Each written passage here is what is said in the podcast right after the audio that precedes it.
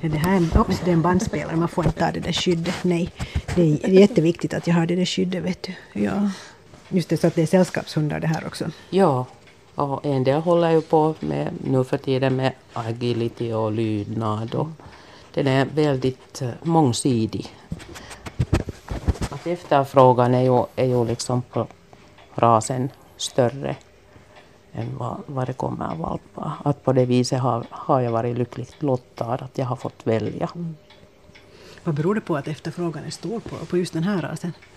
Den har blivit populär, ja. Lämplig storlek och, och sen någon som träffar någon trevlig hund så som jag gjorde då första, min första upplevelse av gårdshunden så får en bra liksom, intryck. Och det finns 30, mm, lite på, mellan 30 och 40 uppfödare här i Finland.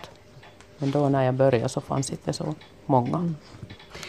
Dansk-svenska gårdshund är ju den populäraste rasen i Ingo. Det är säkert din förtjänst.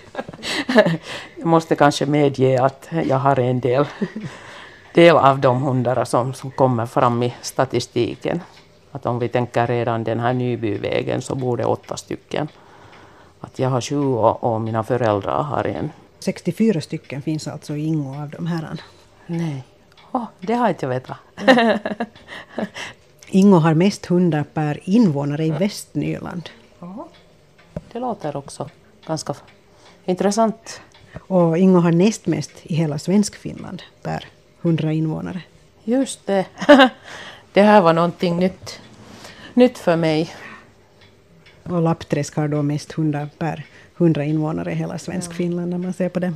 Men alla Ingågårdshundar är inte säkert mina. ja. Aj, här kommer... Oj så. Nej men snälla vän, det var inte meningen att skrämma dig, det var ett papper. Förlåt. Vad tror du att det beror på att det är så här populärt just i Ingo att ha hundar? Har du alls någon teori vad det skulle kunna bero på? Här finns alltså ganska bra uh, hundklubb. Det kan jag säga. Mm. Att de har mycket verksamhet och skolningsplan och, och, aktiviteter. Det kan också vara en, en orsak. Att det, det finns bra tillfällen att hålla på med någonting med hunden. Så man satsar på, på hundar här i? Ja, ja, verkligen. Kommer du alltid att ha hund? Sen, de här blir ju gamla de också. Ja, ja, nu tror jag det. Att jag kommer alltid att ha hund. Jag fick min första hund när jag var 11, 11 år. Det var en blandras som levde i 15 år kanske. Och, och sen dess så har jag haft olika kombinationer. Att två, tre hundar och fyra hundar och så här. Det är så fascinerande att följa med hur de pratar med varandra, liksom kroppsspråket och allt sånt här. Ja, hur kommer sju hundar överens? Alla kommer inte överens. Att jag har en hund som, som faktiskt är ingen flockhund. Och hon, är, hon är just nu lite sjuk. Hon har varit på operation förra fredagen. Mm. Så hon, är, hon är ingen flockhund.